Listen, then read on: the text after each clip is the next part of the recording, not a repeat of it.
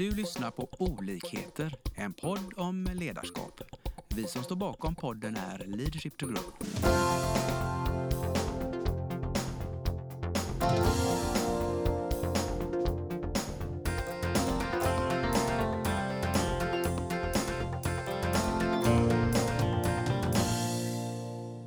Hej och välkomna till ytterligare ett avsnitt i våran podd. Idag är det jag som sitter här, Mats Andersson. Och jag har ju med mig en av, eh, en av alla mina riktigt goda kollegor, Lars. Hej Lars! Åh, vad glad jag blir. Riktigt goda kollegor. Det har ingen sagt till mig idag. Nej, Precis. Ja, Jag tyckte det var dags Lars. Ja, tack så mycket Mats. Du Lars, eh, du och jag har ju faktiskt spelat in en del poddar nu eh, så här. Ja, Eh, här i morse spelade vi inte in en podd men vi hade ett härligt eh, frukostseminarium med massa av våra kunder och fick massa insikt runt hur man fattar beslut. precis. Sen har vi spelat in poddar om eh, att delegera.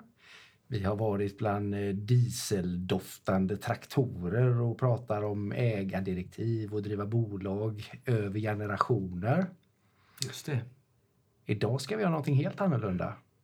Låter lite läskigt det här. Är du taggad? Ja, jag är jättetaggad. Det är jag med. Ja. Vi har en riktigt spännande gäst här hos oss idag.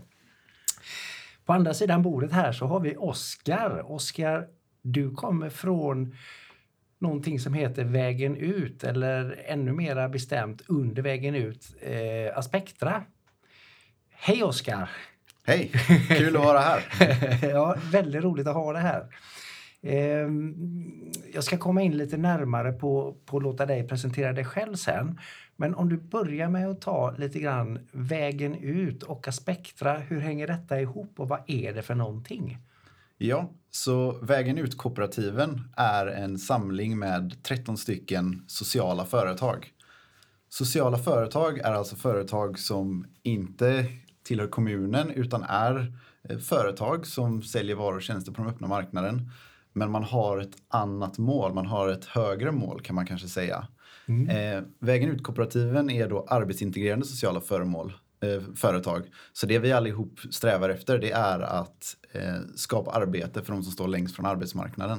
Arbetsintegrerande företag. Ja. Det. Ja. Mm.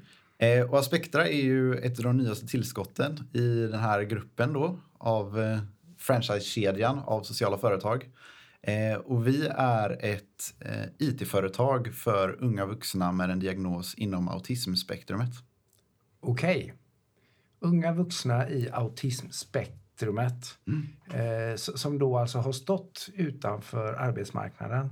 Ja, precis. Så i Sverige är det ju tyvärr så att eh, unga med autism är en målgrupp som eh, helt och hållet fallit mellan stolarna. Det börjar ofta i skolan med att man inte får rätt stöd, kan inte hitta motivationen och eh, går ofta ut utan fullständiga betyg. Eh, Och sedan eh, kör man fast i livet helt enkelt. Man får inte eh, några jobb, man får inte några intervjuer, man får inte ens någon praktik. Eh, och då blir man så kallade hemmasittare. alltså sitter hemma, ofta har man ett IT-intresse kanske, och sitter och spelar dator eller kodar hela nätterna.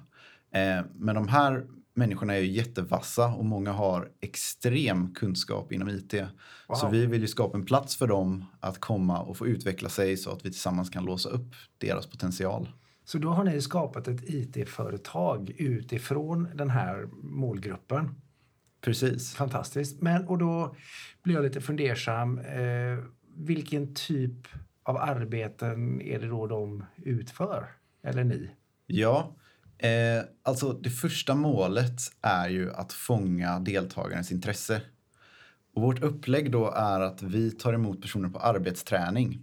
Så de får komma eh, till oss på sina egna villkor och så mjukstartar vi för att de sedan ska sakta men säkert öka sin, som vi kallar anställningsbarhet. Och vårt mål är ju sedan att de ska kunna få anställning i företaget. Okej. Och för att det här ska fungera så har vi gjort massor av autismanpassningar. Så vi har liksom en lugn, fin arbetsplats där man har skärmväggar runt sitt bord där man sitter. Man har hörlurar som täcker öronen. Det går att tona ner ljuset på lysröret ovanför din plats. Eh, och det finns ett vilorum där man alltid kan ta en paus. Eh, just för att skapa en miljö där de här personerna kan få växa i sin egen takt och känna en trygghet. Vad jag tänker direkt, det är ju alltså när du säger anpassa. Så tänker man dyrt. Men det du pratar om, ett par hörlurar, en dimbar lampa, skärmväggar, det är hundralappar. Ja, Det är otroligt lite i det stora sammanhanget som du pratar om. precis. Och, och en sak som slår mig också är att jag tycker det är så lustigt nästan att många av de här anpassningarna jag gör är ju anpassningar som får alla att må bättre på alla arbetsplatser. alltså dels är det de här rent fysiska som jag pratat om. Ja. Men sedan det som jag kanske lägger mest tid på och där jag liksom använder mest av min expertis det är ju på att liksom bryta ner lite diffusa uppgifter i tydligare strukturerade inramade uppgifter. Mm. Sätta upp tydliga checklistor för vad som ska göras. Gå igenom förväntningar i förväg. Eh, planera liksom för olika scenarion. Om det går fel, vem ska du vända dig till då? Vad händer då? Så att det bara finns en trygghet och en tydlighet och en förutsägbarhet. Mm. Och det är ju någonting som de flesta uppskattar på en arbetsplats. Jag skulle ju säga det Lars, vem skulle inte må bra av att ha lite tydlighet runt omkring sig? Ja, vi, jag menar, i det vi gör, med, vi jobbar med ledare och team, det är ju hela tiden ofta de här frågorna som kommer upp som är problem. Otydlighet, eh, otydliga mål, en struktur som saknas Ja. och kommunikationen som blir därefter. Och, och att man drar alla över en kam och inte tänker på att liksom individanpassa i den mån det går. Vad häftigt. Ja. Men, och, och liksom lite mer specifikt då, du sa kodning, du sa eh, programmering. Så. Vad, vad är det ni erbjuder för tjänst? Vad är det man kan köpa av er som IT-bolag? Alltså, vår huvudverksamhet, det vi gör mest, det är att vi rekonditionerar begagnad IT. Rekonditionerar begagnad IT. Yes. Right. Vad innebär det? Det är alltså upprustning, service. Så vi tar emot eh, begagnade, framförallt laptops. Det är det det finns störst efterfrågan på och som vi får in mest av. Eh, och det första vi gör är att vi gör en datarensning. Så Okej. att den som liksom lämnar utrustningen till oss kan vara helt trygg med att deras data hamnar inte i fel händer. Ja, så det handlar alltså inte om att jag lämnar in min dator för reparation och sen hämtar ut den igen. Utan det handlar om att jag lämnar in den för att någon annan ska kunna ta över den. Precis. Ah, Så det, alltså den tjänsten vi erbjuder det är egentligen att främst komma ut till företag som har liksom ett helt serverrum fullt med vad de anser är gammalt skrot som de bara inte vet vad de ska göra med och som det faktiskt är en kostnad för dem att själva göra sig av med. Jaha. Ja. Men vi vänder oss också till privatpersoner. Det finns ju många som har liksom tre gamla laptops liggande hemma som de inte använder längre för att de har köpt en fjärde ny. Ja. Eh, så vi tar hand om allt detta, eh, rustar upp det och eh, målet är ju sen då att vi lägger ut det till försäljning i vår webbshop och målet är att skapa en mer cirkulär ekonomi där fler personer köper rekonditionerat eller begagnat istället för nytt. Jag kan ju säga det att varje gång någon köper en rekonditionerad laptop av oss så sparas det motsvarande 280 kilo i koldioxidutsläpp. Oj, det är ju rätt mycket. Ja, Så, för, så förutom då att det blir en samhällstjänst i form av att integrera människor eh, som står långt utanför arbetsmarknaden i arbetsmarknaden så blir det ju dessutom då en miljö, en, en, en, eh, ett miljöarbete genom den cirkulära ekonomin. Jag säger massa nya Ja. svåra ord här. absolut. Det här är bra för Mats. Utvecklande. Ja. Eh, och dessutom blir ju ett företag av med massa skrot som legat och bara varit en vikt på deras axlar. Ja, så ja. det är ju liksom en win-win-win på något Ja, sätt. ja.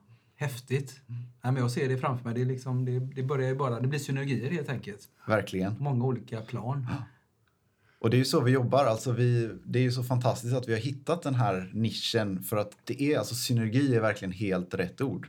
Det är bara synergier i alla riktningar. Alltså, eh, dels så har jag världens bästa och mest lojala medarbetare. Jag har ju haft liksom, chefsroller tidigare där det varit så mycket konflikter och så mycket pussel för att bara få det dagliga arbetet att fungera.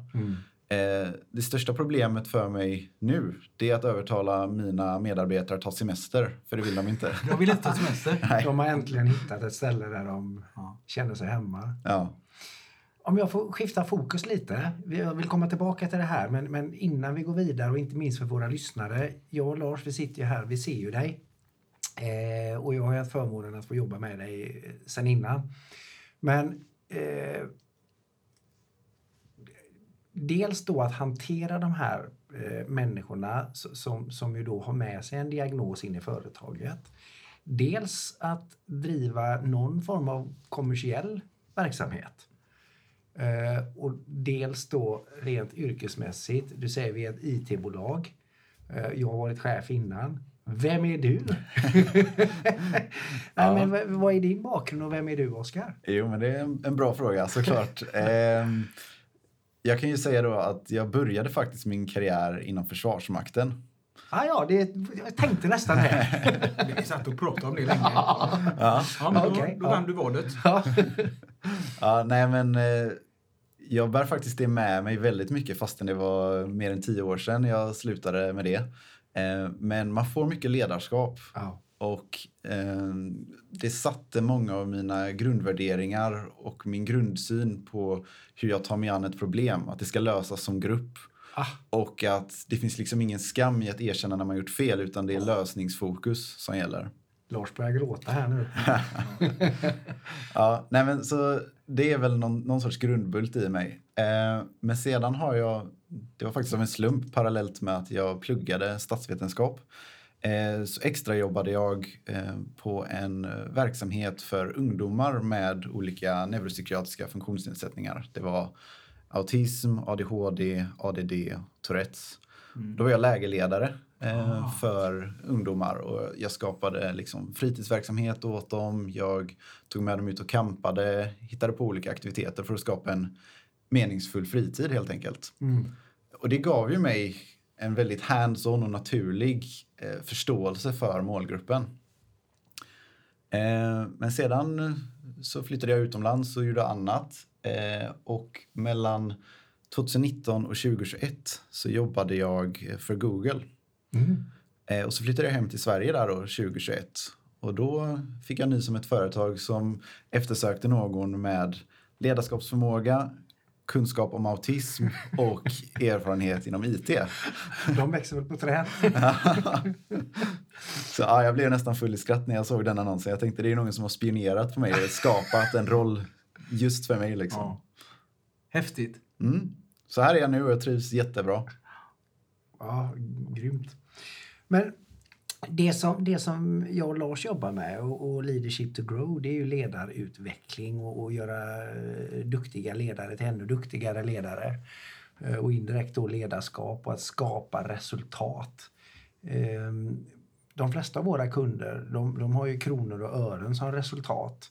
Sen kan det ju vara politiska organisationer eller någon form av myndighet där kanske det inte är precis kronor och ören utan no någonting annat. Och så kommer du då ifrån en blandning av en idéburen verksamhet men, men som då ändå har en kommersiell ryggrad. Eh, och om jag kopplar tillbaka det här då till ledarskapet.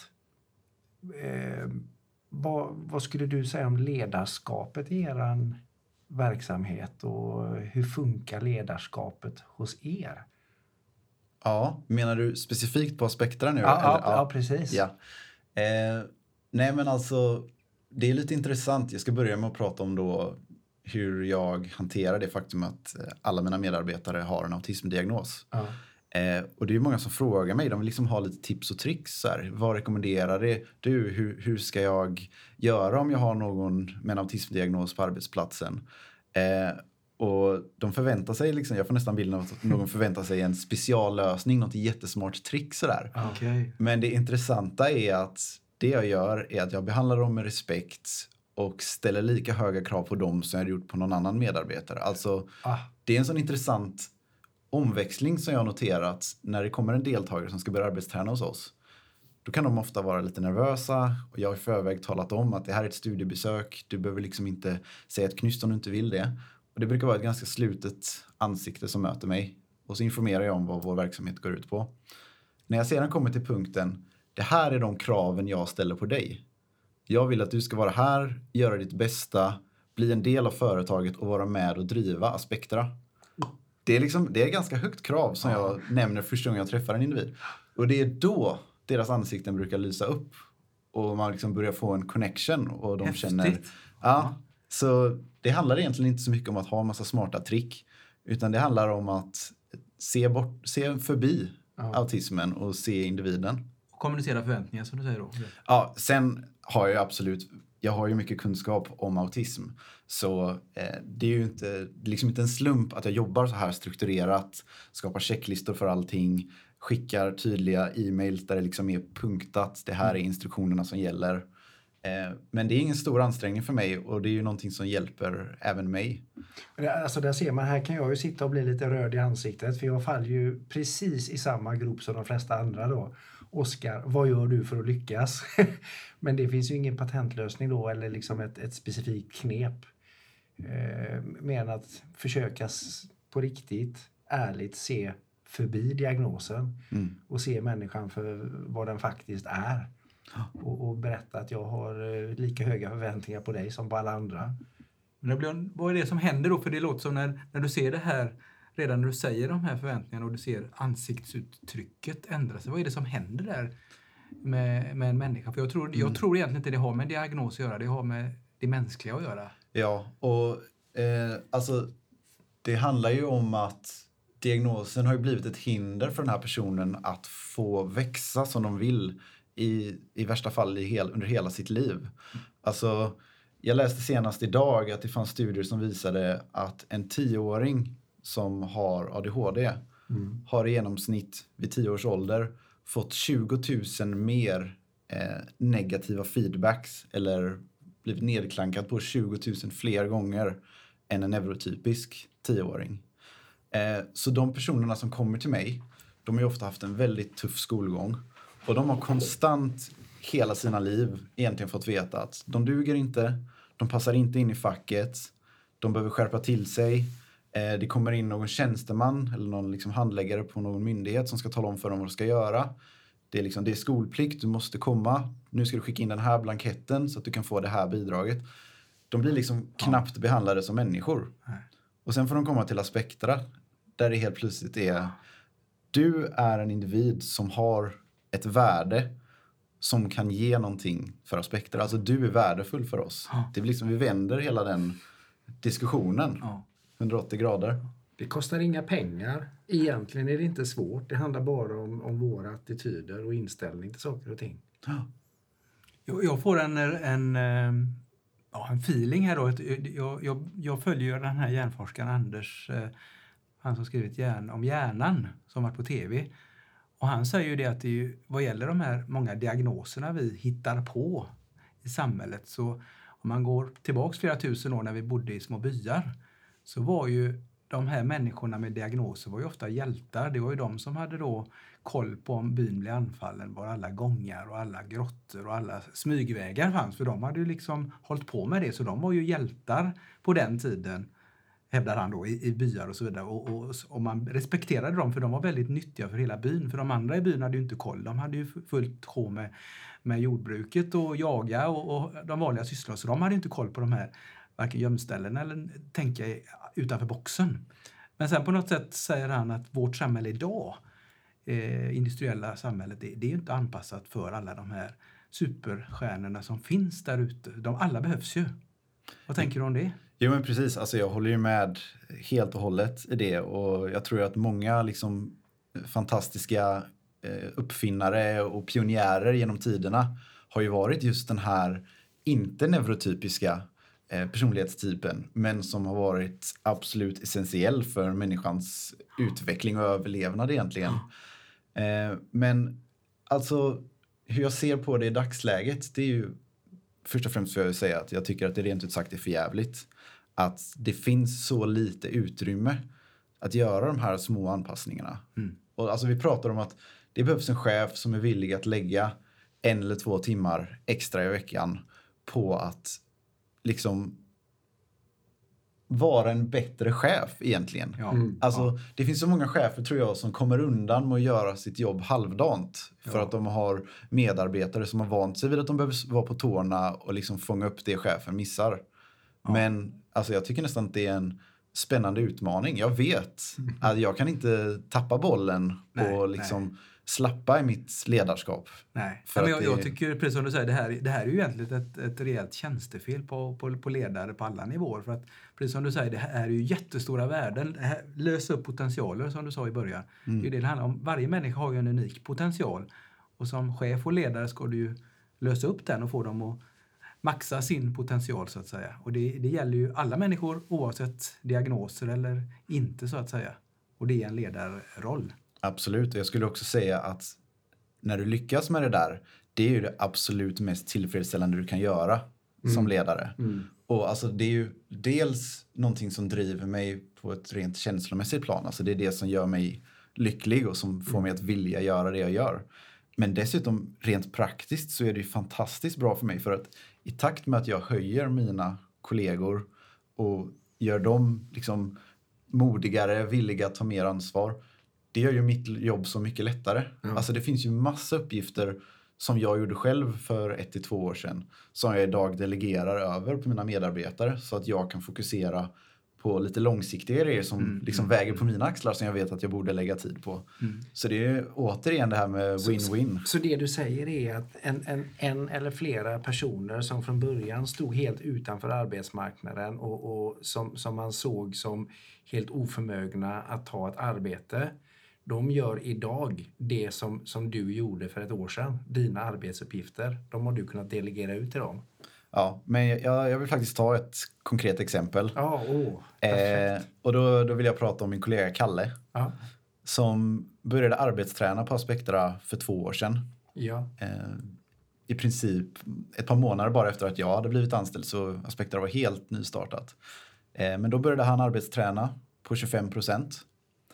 Eh, och han är ju, idag är det, det är en helt annan individ. Alltså innan han kom till oss så hade han gått in i väggen.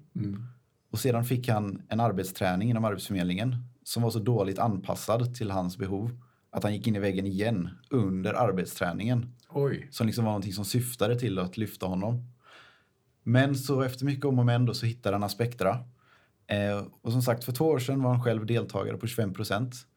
Eh, men under nio månaders arbetsträning så lyckades han eh, jobba upp sig till 50 procent. Och allting funkade bra så jag hade möjlighet att erbjuda honom anställning i Och företaget. då är det alltså en fast anställning? Fast anställning i företaget. Vilket han tackade ja till. Eh, så han blev anställd i juni förra året på 50 procent. Och i år har han fortsatt växa, är nu uppe på 75 procent. Och har dessutom eh, i år tagit an, sig an ansvaret som rekognoseringsansvarig. Åh, jösses. Så han driver ju hela vår verksamhet kring det här Den med att, operativa... kring det här med att rusta upp begagnad IT. Så det driver han. Eh, Och jag blandar mig knappt i det längre. Utan jag kanske håller någon sista kontakt med kunder eller sådär. Men allt det rent operativa löser han. Och dessutom så är han utbildad eh, eh, handledare nu. Så han har själv två stycken, eh, två stycken nya arbetsträningsdeltagare som han helt och hållet ansvarar för, lägger upp deras schema för, har möten med Arbetsförmedlingen om. Eh, så han gör helt enkelt massa av de grejerna som jag eh, la min tid på för två år sedan. Om vi stannar lite där då, för här tycker jag här finns ju utrymme för insikter och lärdomar. Med det du vet nu, vad, är, vad ska vi säga till de som lyssnar på oss? Det finns ju väldiga möjligheter där, tänker jag. Ja, jag tror att en viktig eh, grundbult liksom, eller viktig princip är att man får ha lite tålamod. Alltså, om man, om man tänker på det så det är inte särskilt mycket begärt att det ska ta två år för en person att gå från 25% arbete på en ganska anpassad nivå till att jobba 75% vara ledare och driva ett affärsområde. Ja, Helt, helt Så om man bara är villig att ha det här lilla, ska vi kalla det tålamodet då, som det krävs för att tillåta en sån där process. Då, då kan man ju låsa upp hur mycket potential som helst. Men problemet är ju att det är så många som är så fast i sitt brandsläckande. Och liksom, oavsett när på året du frågar dem hur jobbet är så svarar de bara liksom med andan i halsen. Ah, det är så mycket just nu, jag har inte tid med någonting. Det är mycket nu. Men jag tänker att det där är återigen tjänstefel om vi nu ska använda det ordet. Men det är det ju i- i led- i ledarskap. Då gör man ju jättefel saker och man fortsätter och släcker bränder. Och det kan man göra en hel karriär i och för sig. Men du skapar ju inte så mycket värde. Nej, och de enda medarbetarna som står ut är de som är precis den liksom, sortens hjärna som klarar av, som har resurser och har strukturer för att klara av det. Vilket innebär att du låser ute då en stor mängd Väldigt individer ja, som, har, som vi nu uppenbarligen har bevisat har massor av potential. Ja, men det är jättehärliga case. Jag menar, ju mer sånt man kan göra och ju mer tålamod man kan skapa då, det- och det kan vi skicka med till alla, för det gäller ju förmodligen överallt. Ja. Eh, ju mer finns. Det vet ju vi också när vi jobbar med ledarskap. Vi har ju väldigt många, när vi sitter och jobbar med nyckelpersoner i olika branscher, de, de sitter ju fast i det här eh, kortsiktigt brandkårsarbete till alldeles för många procent generellt. Så det, och där, det är på andra sidan värdena finns. Det är också det mänskliga tänker jag som finns där, att blåsa upp potential. För det, det gäller ju alla människor. Absolut. Och det är ju någonting jag jobbar väldigt mycket med även på ett personligt plan i arbetsträningen. Alltså, det kommer ju individer till mig som aldrig tidigare har haft ett jobb. Så det handlar ju inte bara om att rusta dem att utföra praktiska uppgifter. Utan det gäller också att rusta dem att förstå arbetslivet. Så det är ju många av mina deltagare där jag har liksom diskussioner med dem att det är bra att du är här, men du har inte sovit på hela natten. För att det är tyvärr väldigt vanligt. Autismdiagnos och rubbad dygnsrytm går hand i hand eh, i princip. Eh, och då säger jag att det är bra att du är här. Det, det är en kämparinsats. Men jag föreslår att du går hem, vilar ut och kommer tillbaka när du har laddat batterierna. För att det jag vill få ut av dig, det är inte extra mycket performance just idag. Nej. Det är liksom de där extra tim- mantimmarna som jag kan få ut idag. De är helt oviktiga i jämförelse med att skapa hälsosamma, sunda rutiner som skapar en hållbar karriär för resten av livet. Ja, wow. Det är ledarskap. Ja, det är ledarskap. Långsiktigt hållbart ledarskap. Ja. Riktigt häftigt. Med, med, med allt det här som du säger nu då. Just nu har vi ju väldigt mycket fokus på, på eh, ifrån dig och vidare ut och ner i din organisation. Om vi vänder lite grann på kuttingen och så tittar vi på dig och så vidare upp i, i din organisation. Både eh, då upp i Vägen ut-konsortiet som du ju då är en del av men också så vet jag ju eftersom jag har äran att, att eh, vara styrelseledamot i Aspektras styrelse så, så sitter ju du i en inom situationstecken professionell styrelse som ställer rätt hårda affärsmässiga krav på dig. Eh, generellt så, så är det kanske lätt att tro att så fort det är idéburet så är det lite lösa boliner och det är lite flummigt. Men, men eh, det är det ju verkligen inte i, i våra diskussioner och i vårt styrelsearbete. Hur, hur, eh, vad, vad tänker du runt det och liksom det arbetet som bedrivs från dig och uppåt? Mm. Jag har väl två tankar på det. Eh, en om vår organisation och sen en om eh, mitt personliga, min personliga syn på det. Men när jag börjar med organisation då, så alltså det är ju en fantastisk innovativ lösning vi har egentligen som jag verkligen brinner för och som många inom socialt företagande ser är vägen framåt. Är det själva affärsmodellen du tänker på med, med liksom Det är konceptet Ja. att Vägen ut-kooperativen som är experter på arbetsträning och socialt företagande går ihop med Mm. ett IT-företag från näringslivet, Avanix Ja, som de heter, och tillsammans skapar ett socialt företag. Ja. För vi har ju kunnat göra världens raketresa uppåt på två år just tack vare det här. Det är liksom ett drömläge för mig som verksamhetschef att ha i, å ena sidan Vägen ut-kooperativen som har 20 års erfarenhet av arbetsträning, färdiga strukturer för allt, färdiga blanketter för allt. eh, som jag bara kunde ta och börja använda från dag ett. Och å andra änden då att jag har Avanix med deras redan existerande kontaktnät inom IT-branschen.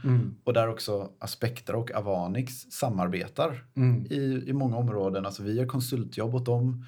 Vi köper våra Microsoft-licenser av dem. Eh, vissa av Avanix kunder köper begagnade datorer av oss istället för att köpa en ny via Avanix. Så det är massa synergier och verkligen liksom affärstänk. Alltså, vi, vi delar ju faktiskt lokaler med Avanix också. Ja. Och det, det har varit ett sånt lyckokast. Det blev ju bara så för att det var där det fanns plats. Ja. Men alltså, det är någonting som vi har beslutat att vi ska fortsätta med när vi i framtiden sprider det här konceptet. För att det skapar rätt miljö. Alltså deltagarna som kommer till oss är jätteskarpa. Liksom skyhög intelligensnivå. Mm. Eh, de är helt ointresserade av att sitta på någon daglig verksamhet och pyssla. Ja. Men när de delar lokaler med Avanix där det liksom Ja. dagligen bedrivs företagsverksamhet, det är kunder som cirkulerar, det är liksom det är rätt stämning. Det är tydlig fokus på arbete. ja. Och även det är så fint då att medarbetarna på Avanix blir på ett naturligt sätt förebilder ja. för gänget på Aspektera. Men för att också få besvara ur personligt perspektiv. Mm. Så alltså, vårt styrelsearbete är ju precis som du säger fokus på resultat. Och jag menar, mina grundvärderingar kretsar ju väldigt mycket kring mjuka värden, kring solidaritet, kring inkludering. Mm. Men dagligdags, alltså jag går ju runt och tänker pengar varje dag på jobbet. Men det som är så roligt är ju att jag känner inte mig det minsta smutsig för att jag går runt och tänker pengar hela tiden. Nej. För att jag vet ju att varenda krona extra jag drar in till företaget innebär att jag kan erbjuda anställning till fler personer som in, annars inte hade fått ett arbete. Ja. Så, och det är ju det som är vägen framåt och som är lösningen. Vi är inte intresserade av att bygga upp någon sorts bidragsberoende verksamhet eller bara en massa flum, utan vi driver ett företag. Men skillnaden är att vi har liksom inga aktieägare som plock- plockar ut vinst varje år eller sådär, utan vi är ett kooperativ, medlemsägt. Och varenda krona, det här finns ju fastställt i våra stadgar, varenda krona vi gör i vinst ska återinvesteras för att kunna uppnå vårt liksom, slutgiltiga mål. Högre syfte. Precis. Ja, det är... Ja, men jag stannar där med en reflektion. För det, det låter som ni på något sätt har hittat ett koncept där ni förenar då det resultatdrivna, affärsmässiga med det etiska och det större idédrivna perspektivet på ett, på ett väldigt fruktbart sätt.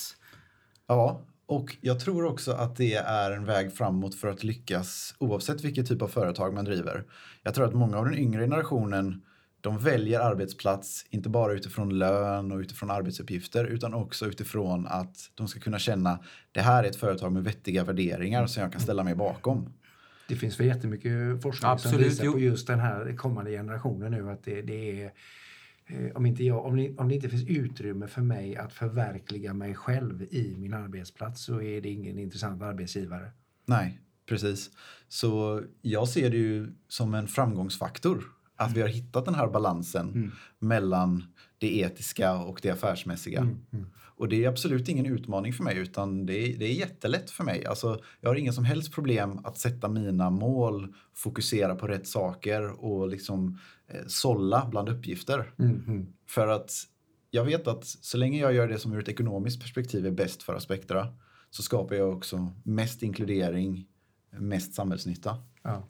Då, då kommer jag som är miljöskadad då i ledarskap. Vilket, här låter som du har ju på ett naturligt sätt gör ju du detta men jag tror ju inte det är så enkelt egentligen om vi ska berätta för lyssnarna. Det finns ju ett ledarskap i detta också. Hur navigerar du så här, utan att skämmas att skapa resultat och få med hjärtat, få med etiken i det? Vad, finns det några nycklar där som du kan ja, förklara lite tydligare?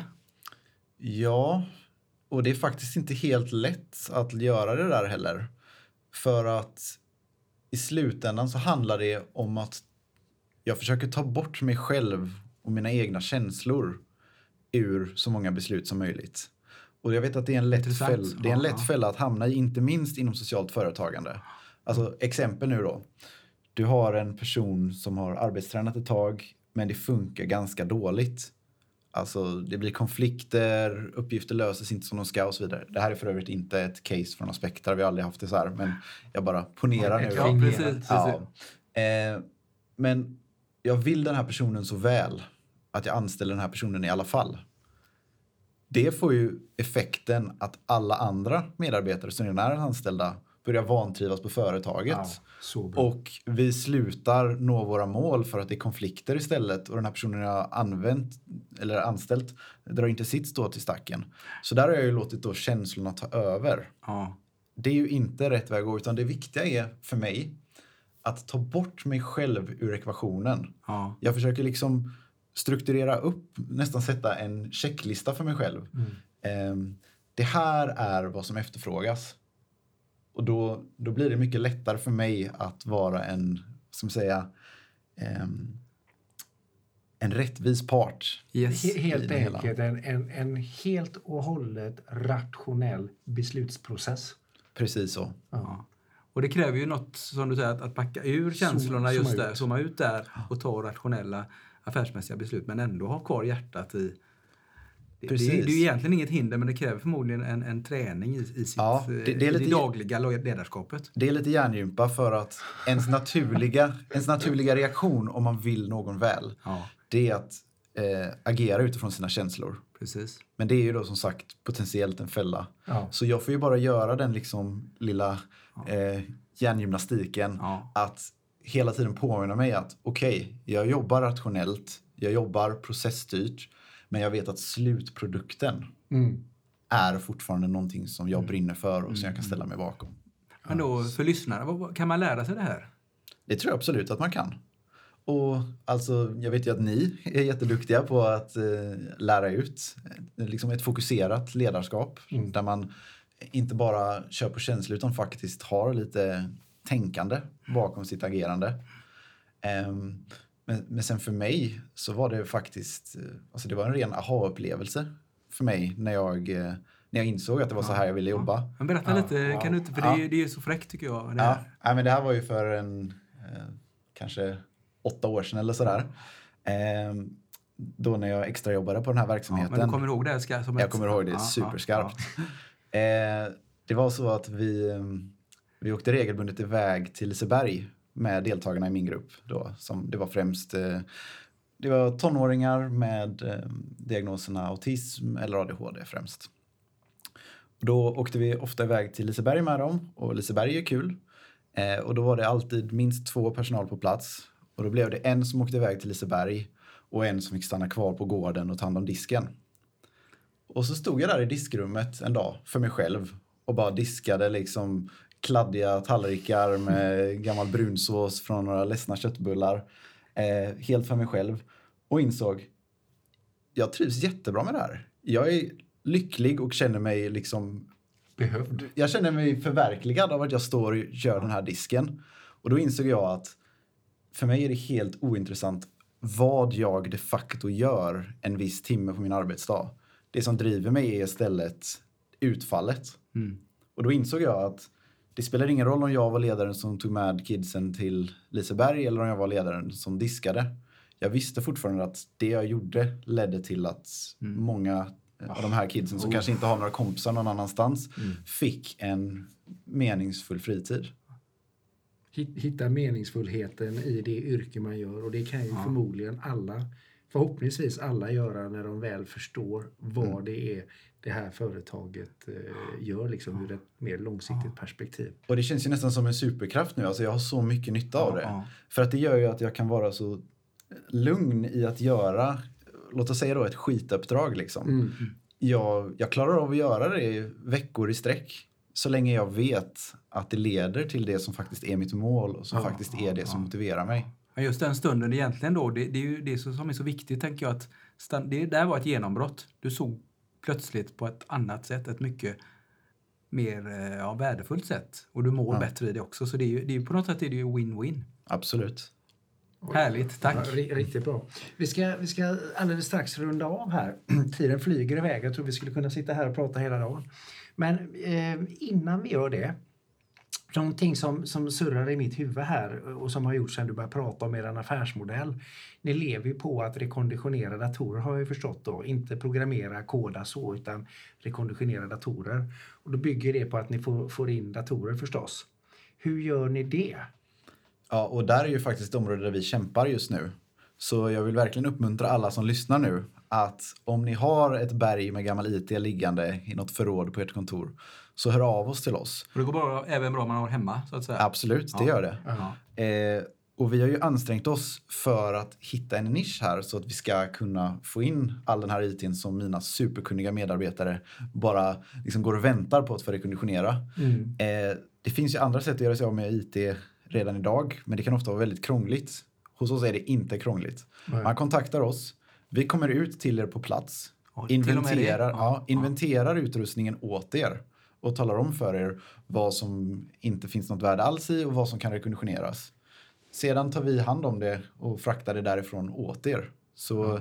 många av de partners vi har i dagsläget, det de är allra mest nöjda med, det är Ja. ju dels att de vet att en insats som inte kostar dem några pengar alls skapar både social och miljömässig hållbarhet. Ja, Men också att det är en sån smidig lösning. just det. Har, har du något exempel på något företag eller organisation som ni jobbar ihop med som, som eh, nyttjar den här tjänsten hos er? Ja, men jag kan exempelvis nämna Swedish Orient Line Ja, som är ett eh, logistikföretag. De, har, eh, de skickar laster kors och tvärs över haven ja, i fraktfartyg. Och de har vid ett par tillfällen donerat helt enkelt överbliven IT-utrustning till oss mm, när, när, den, när de märkt att den bara ligger och tar upp plats hos dem. ja, Eh, och sedan tyckte jag att det var extra bra. Eh, för inte så länge sedan så bytte de kontor, så Ja. de flyttade. Och det vet man ju är en tung process på de flesta företag med massa jobb och eh, massa saker som faller mellan stolarna och vem ska ta ansvar för det här? Då kontaktade de oss och så kom vi och stöttade dem där och liksom okej nu ska ni flytta, här har ni en massa skrot som ni egentligen inte är intresserade av att få med er i flytten. Ah. Så Wow. tog vi hand om det istället. Så, så det enda man behöver göra egentligen då det, det är att eh, söka upp Aspektra och så kontakta er och så, så hittar ni en, en lösning för just det företaget eller privatpersoner vad det nu är för någonting då. Men jag förstår att det är framförallt i företag. Ja, jo men absolut. Det är bara att gå in på aspektra.se så hittar man all kontaktinformation. Riktigt bra. Ehm, har vi missat något? Fråga dig, vad tycker du? Är det något mer du vill? Ja, jag, kan ju bara säga, jag kan ju bara säga att den som är nyfiken på det här med socialt företagande eller vill veta mer om Aspektra och om hur vi har autismanpassat vår arbetsplats får ju mer än gärna kontakta mig. Jag heter som sagt Oskar Isidorsson Albino och det går ju även att kontakta gänget på Leadership to Grow för att få mina kontaktuppgifter. Ja, det var väl en bra avrundning. Ja. Oskar, vi är så tacksamma att du har tagit dig tid att eh, komma hit och att vi har fått eh, spela in den här podden ihop med dig. Eh, så jag, Lars och Leadership to Grow tackar dig eh, jättemycket. Ja, det var min första podd, men det var, det var riktigt kul så jag tackar jag med. Nu är det gjort. Ja. Och så vill vi ju givetvis passa på att tacka alla er där ute som tar er tid att lyssna på våra poddar. Och vi hoppas givetvis att även denna podd har skänkt er insikter och någon form av glädje. Så tack för det. Vi hoppas att vi har väckt tankar om hur du kan utveckla och stärka ditt personliga ledarskap. Följ oss gärna på våra sociala medier där vi heter Leadership to Grow. Om du vill ha mer inspiration och verktyg, gå in på vår hemsida leadershiptogrow.com. Tack för att du lyssnar.